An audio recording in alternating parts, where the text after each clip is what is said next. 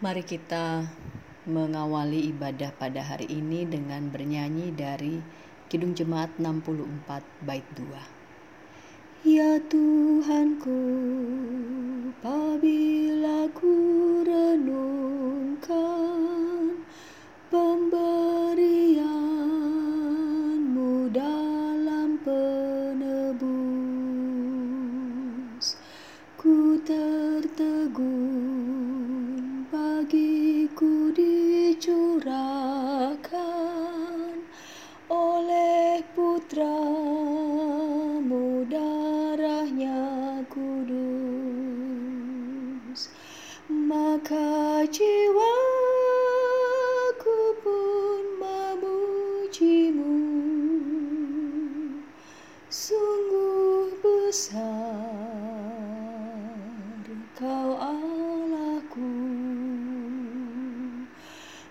maka jiwaku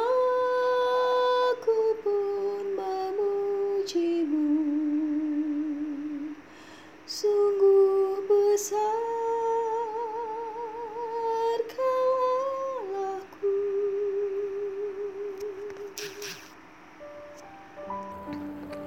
Pembacaan Alkitab diambil dari Injil Lukas pasalnya yang ke-8, ayatnya yang ke-15.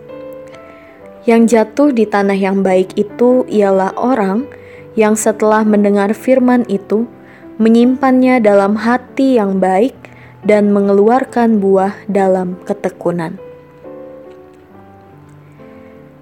Di era pandemi, ada banyak aktivitas yang dilakukan orang-orang dari rumah masing-masing. Ada yang berolahraga, memasak, menonton sampai rebahan sampai dini hari, dan menanam rupa-rupa benih sayuran, cabai, dan lain sebagainya. Salah satu aktivitas yang bermanfaat di masa pandemi yang dilakukan oleh beberapa orang yaitu menanam rupa-rupa benih. Jika benih sayuran dapat tumbuh, maka sayuran bisa dinikmati oleh anggota keluarga, juga dapat dijual. Namun, ada saja yang menyebabkan benih-benih yang ditanam tidak dapat bertumbuh dan berbuah. Bisa disebabkan faktor tanah, media tanam, cuaca, pupuk, hama, dan sebagainya. Melalui bacaan Injil Lukas pasal 8 ayat 4 sampai 15, Tuhan Yesus melalui perumpamaan tentang seorang penabur hendak mengajarkan bagaimana firman Tuhan diandaikan seperti benih yang ditaburkan ke dalam setiap hati orang yang mendengar. Firman yang ditaburkan tidak selalu bertumbuh dan berbuah. Bisa disebabkan orang yang mendengar itu kurang bertekun mendengarkan dan mengupayakan merawat dan menjaga firman Tuhan dalam kehidupan sehari-hari. Firman yang ditabur akan berproses bertumbuh dan berbuah. Ketika kita siap untuk bertekun, menjaga, dan merawat firman itu. Pada ayat 15, penulis Injil Lukas menuliskan, Yang jatuh di tanah yang baik, itu ialah orang yang setelah mendengar firman itu menyimpannya dalam hati yang baik dan mengeluarkan buah dalam ketekunan.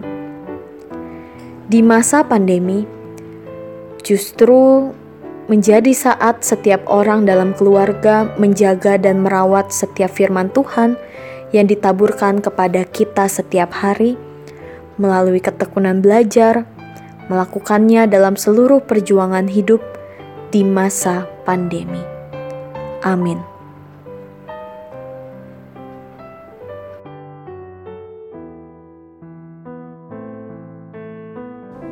Mari kita berdoa. Ya Tuhan, ajarkan kami untuk dapat bertekun mendengarkan dan mengupayakan merawat dan menjaga firman Tuhan di dalam kehidupan kami. Amin. Renungan pada malam hari ini selesai, kiranya Tuhan Yesus memberkati.